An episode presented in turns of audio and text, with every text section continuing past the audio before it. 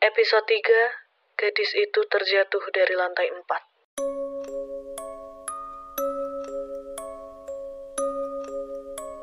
Hari berikutnya, aku harus berlatih teater di kampus pada malam hari. Latihan berjalan seperti biasanya, seperti olah nafas, olah vokal, staging, kemudian reading. Pada tahap reading, kami harus berlatih satu persatu, dan bagianku adalah yang pertama. Setelah bagianku selesai, aku duduk menunggu dan menonton teman-temanku yang lain. Di saat menunggu itulah kejadian menyeramkan terjadi.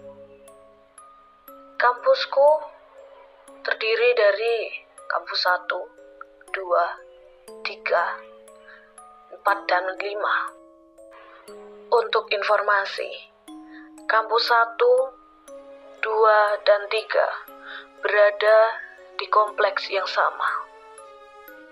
Malam itu, kami latihan di lapangan parkir belakang kampus 1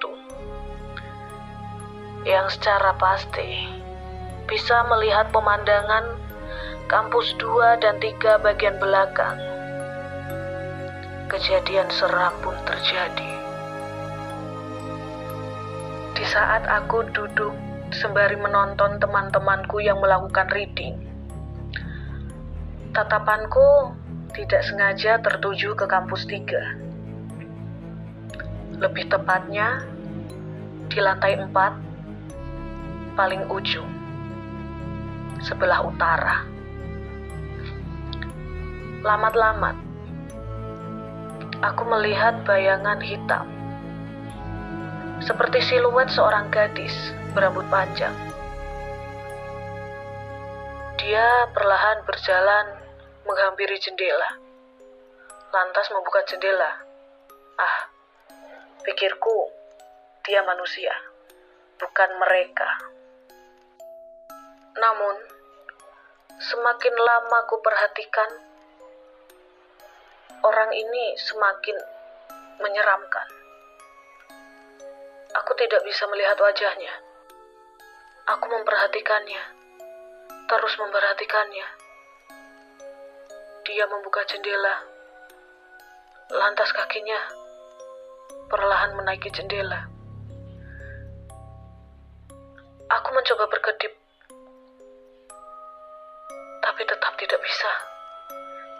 Tatapanku tertuju pada gadis itu terus tertuju pada gadis itu, hingga gadis itu duduk di mulut jendela.